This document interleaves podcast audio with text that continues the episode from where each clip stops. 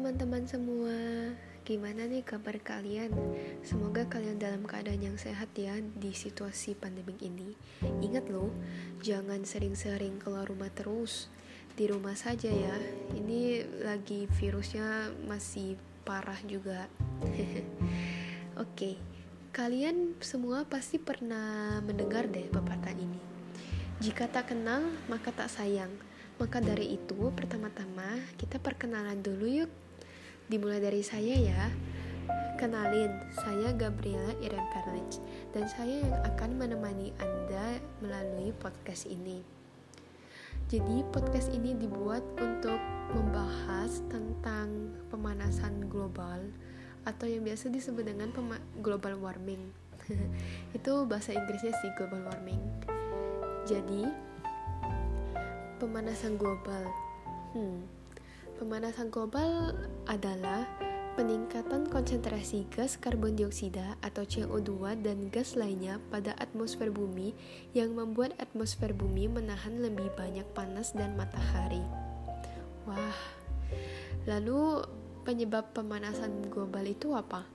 Pasti kalian pernah dengar deh dengan eh, kata-kata ini, efek rumah kaca efek rumah kaca ya kan pernah dengar kan pasti nggak asing banget jadi menurut Badan Perlindungan Lingkungan Amerika Serikat efek rumah kaca adalah proses meningkatnya suhu rata-rata permukaan bumi karena lapisan atmosfer bumi yang kian menipis bahkan bocor hmm.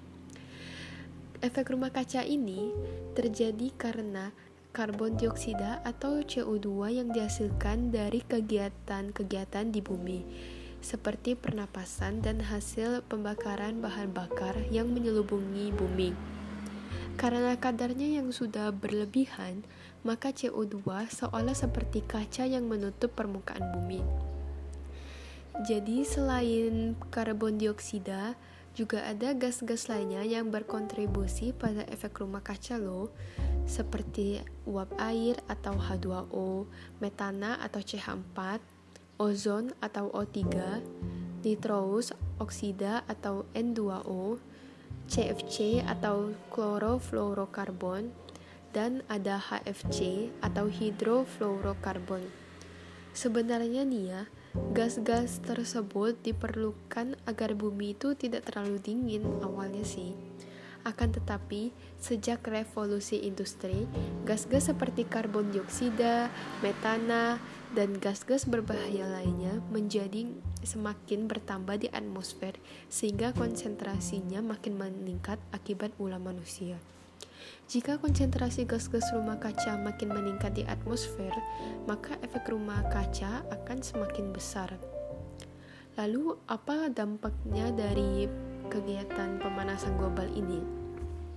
Dampaknya yaitu e, satu melelehnya es di kutub, dua meningkatnya permukaan air laut, tiga terjadinya gelombang panas, empat rusaknya ekosistem laut, 5. Semakin sering terjadinya banjir 6. Kondisi kesehatan tubuh yang menurun 7. Punahnya hewan di bumi 8. Terjadinya pergeseran cuaca Dan lain-lainnya Wah ternyata ngeri juga ya dengan pemanasan global Jadi nih ya kita seharusnya itu sekarang mulai mengurang mulai deh kayak mengurangi pemanasan global itu Terus caranya mengurangi pemanasan global itu gimana sih?